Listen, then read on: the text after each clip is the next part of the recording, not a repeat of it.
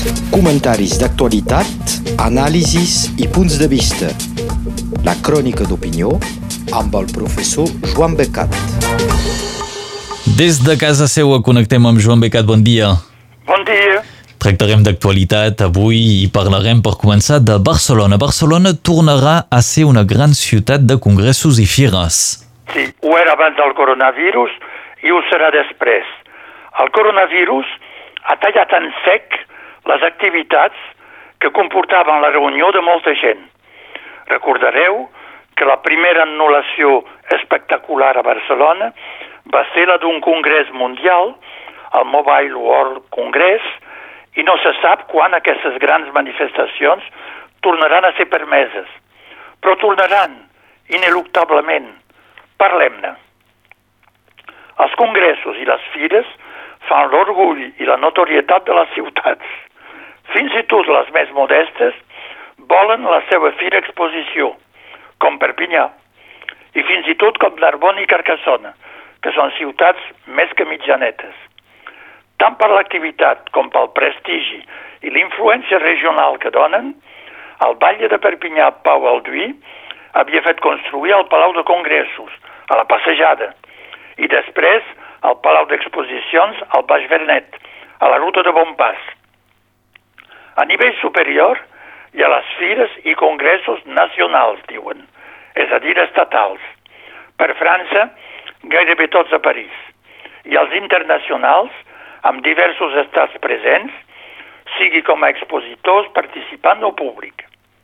Per damunt, hi ha encara les grans manifestacions intercontinentals i mundials que concerneixen només unes poques grans ciutats especialitzades i atractives, l'èlite, le gratin, entre les quals hi ha París i Barcelona. L'Associació Internacional de Congressos i Convencions, l'ICA, amb inicials angleses, classifica aquestes manifestacions si tenen com a mínim 50 delegats i molts estats. Per sota, ells no compten res. Cal distingir les fires dels congressos. A les fires, fires i salons, l'objectiu és presentar productes i novetats als especialistes i al públic. I als congressos i convencions, l'activitat principal són els debats, les conferències, les comunicacions, la informació dels participants acreditats i, evidentment, del públic si s'admet. Això precisat, parlem de Barcelona.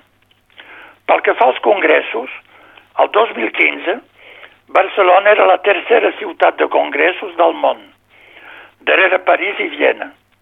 Fa dos anys, segons aquesta associació ICA, Barcelona era la primera del món amb 195 manifestacions dins l'any davant de París i Viena. Venien després Berlín, Londres i Singapur. Pel que fa a les fires, la repartició no és tan concentrada, ja que cada estat té dues o tres grans ciutats amb fires nacionals que atreuen també gent dels estats veïns eh, i exposants de tot el món.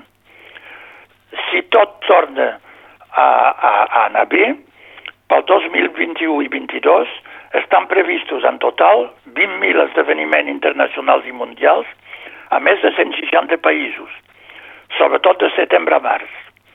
Barcelona se troba en el top 10 dels parcs d'exposició, és a dir, amb capacitat d'acollir gent. En Frankfurt, Hanovre i Colònia, Alemanya, París a França, Milà a Itàlia, Chicago, Xangai i a Espanya, Barcelona i Madrid. Notareu que moltes fires i congressos mundials se fan a Europa. Aquesta situació preeminent de Barcelona és envejable i s'explica per la tradició, eh, pel seu interès turístic, pels serveis que ofereix, hotel, cultura, eh, oci, evidentment, amb els seus equipaments especialitzats, que en té molts. Té la Fira de Barcelona, la nova Fira a la Gran Via, al Palau de Congressos de Catalunya, a la part alta de la Diagonal, a l'altra punta, al Fòrum Universal de les Cultures, al World Trade Center al Port Vell, al final de la Rambla, i fins i tot se pot utilitzar al, al, al, al Palau de Sant Jordi. Capacitat considerable. Eh, aquesta posició de Barcelona va saltar a la vista a inici d'any quan se va decidir d'anul·lar el Mobile World Congress, el Congrés Mundial del Mòbil, que s'havia de celebrar a partir del 24 de febrer. És considerat com la primera manifestació mundial de totes les fires i congressos reunits, amb gent i productors de tots, tots els països del món. Va ser el primer gran sacrifici degut al coronavirus.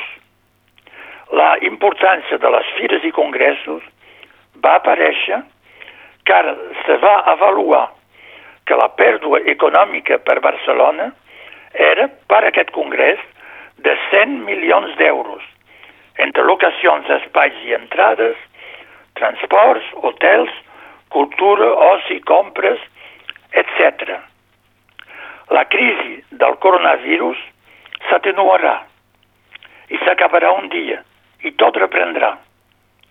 Si el Mobile World Congress va ser el primer toc d'alerta de les conseqüències econòmiques del coronavirus, ara és el primer toc d'esperança de la represa d'activitats. En efecte, els seus organitzadors d'aquest Congrés Mundial del Mòbil i la Fira de Barcelona acaben de firmar un nou contracte en ple confinament per domiciliar aquest congrés a Barcelona fins al 2023. Per tant, Barcelona tornarà a ser una gran ciutat de congressos i fira. A quin estem per ara? Donc si en dubtem pasis, noten moltes ganes eh, per part d'aquí la gent de Catalunya Nord de tornar cap a Barcelona per tots aquests motius. També potser d'anar més lluny, d'anar cap a Europa i veiem que actualment a Europa el desconfinament és un poc a la carta. Sí, la, la setmana passada eh, hem parlat del desconfinament a Espanya i a França, però a veure, què passa als altres principals estats? Perquè ens parlen molt què passa a França, es parla també d'Espanya, però als altres països. Doncs, a Itàlia, el desconfinament ha començat dilluns passat, el 4 de maig, després de dos mesos de confinament. Notem que França ha pres les mateixes decisions que Itàlia però sempre una setmana més tard. Fem tard. El govern italià ho fa amb molta, molta prudència, fins i tot més que a França. Cal dir que l'epidèmia ha ha castigat fort aquest país i que hi ha por que torni a rebrotar. La gent ha tornat al treball, a les empreses i tallers, però se demana que se mantingui el teletreball tant com és possible a tot Itàlia i sobretot a Milà, la ciutat més afectada. Si hi ha una obertura parcial dels comerços, els bars i els restaurants queden tancats i per les compres, pel treball, pels transports, se demana de respectar el distanciament social i el govern obliga al port de mascaretes als llocs tancats, entre altres el transport. Però la Llombardia i Venècia, regions molt afectades, han decidit fer-ho més tard. Han decidit que tothom havia de portar mascaretes ja al sortir de casa. No es pot sortir al carrer sense mascareta. Se poden visitar els pares o els pròxims, però queden prohibits els àpats, els dinars i les reunions familiars o entre amics. Se pot circular a Itàlia, però no se pot sair de la regió. Observarem que França s'ha inspirat molt de les mesures preses a Itàlia. Ara bé, una setmana després, s'observa que molts italians se salten les recomanacions, prenen riscos i en fan prendre els altres. Els diaris parlen de la situació a Milà com d'una bomba a punt d'explotar.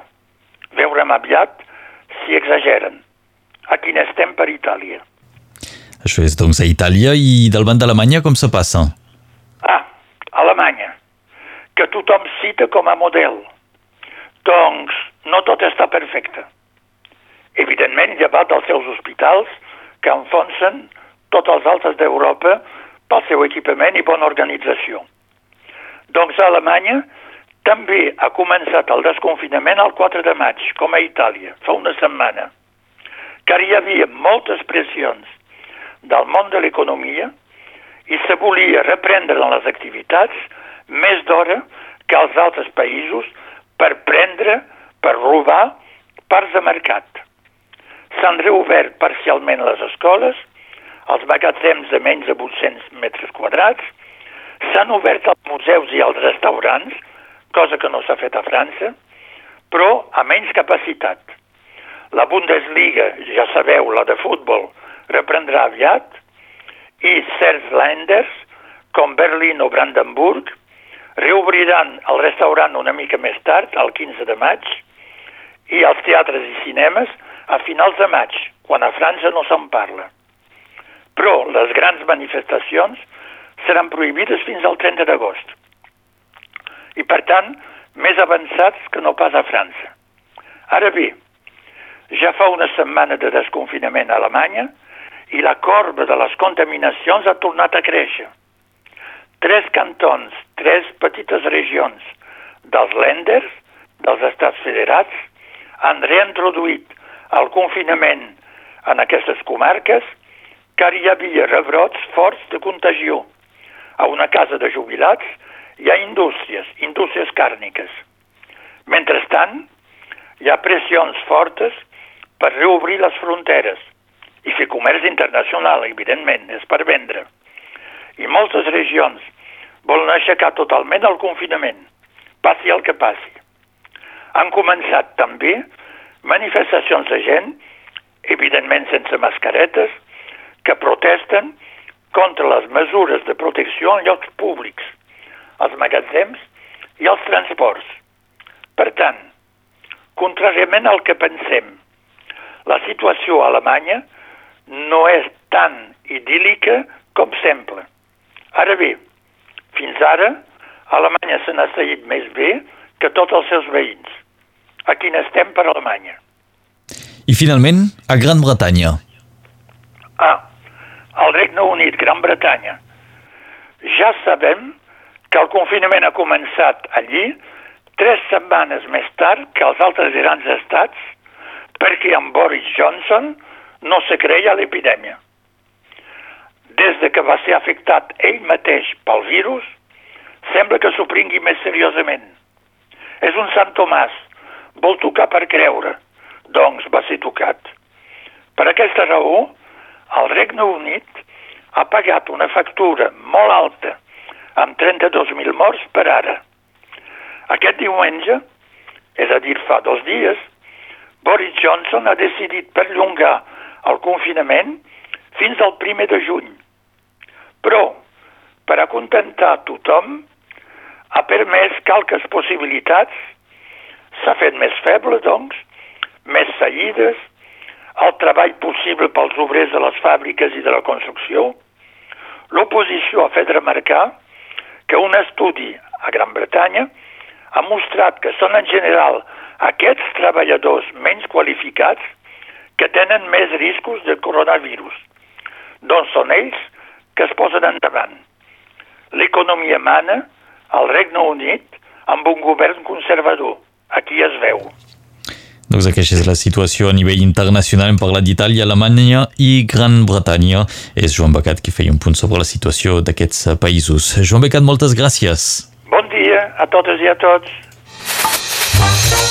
Comentaris d'actualitat, anàlisis i punts de vista.